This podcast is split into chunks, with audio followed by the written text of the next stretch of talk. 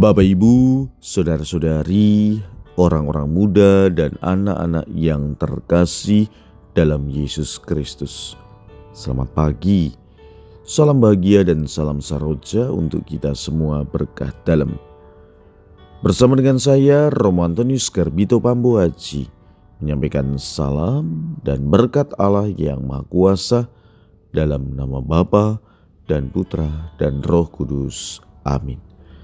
Hari ini Rabu 12 Juli dalam hari biasa pekan biasa ke-14.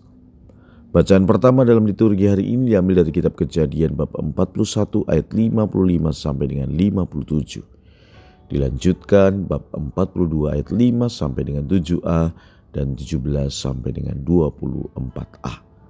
Bacaan Injil diambil dari Injil Matius bab 10 ayat 1 sampai dengan 7.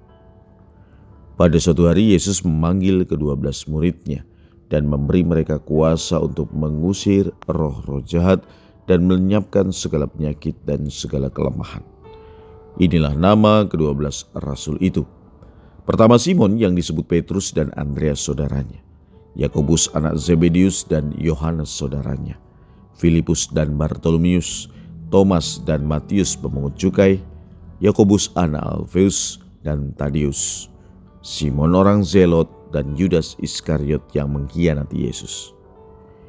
Kedua belas murid itu diutus oleh Yesus dan ia berpesan kepada mereka, Janganlah kalian menyimpang ke jalan bangsa lain atau masuk ke dalam kota Samaria, melainkan pergilah kepada domba-domba yang hilang dari umat Israel. Pergilah dan wartakanlah kerajaan sorga sudah dekat. Demikianlah sabda Tuhan. Terpujilah Kristus. Ada dua bagian yang disajikan dalam Injil yang baru saja kita dengar. Yang pertama, bagaimana kemudian Yesus memanggil dan memberi para murid kuasa untuk mengusir roh-roh jahat dan melenyapkan segala penyakit dan kelemahan. Kemudian ia berpesan supaya jalan mereka lurus, tidak belok-belok. Yang kedua, nama kedua belas murid disebut dalam Injil hari ini.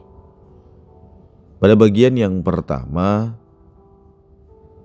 intinya adalah Yesus memberi kuasa agar para murid menguduskan, menyucikan, membuat orang lain menjadi bersih.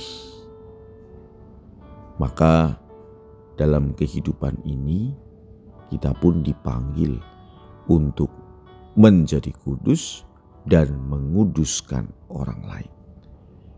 Salah satu caranya adalah dengan berdoa. Mendoakan diri sendiri dan mendoakan orang lain.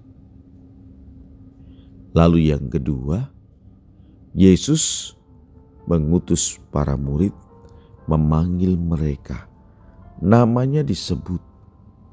Maka demikian juga kita dipanggil dan nama kita disebut. Para murid berasal dari latar belakang yang berbeda, karakter yang berbeda.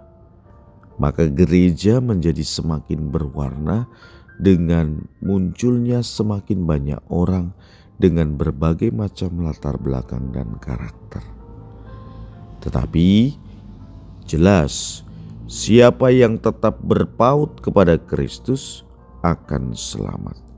Tetapi sebaliknya, siapa yang mengkhianati akan tidak selamat. Mana yang mau kita pilih?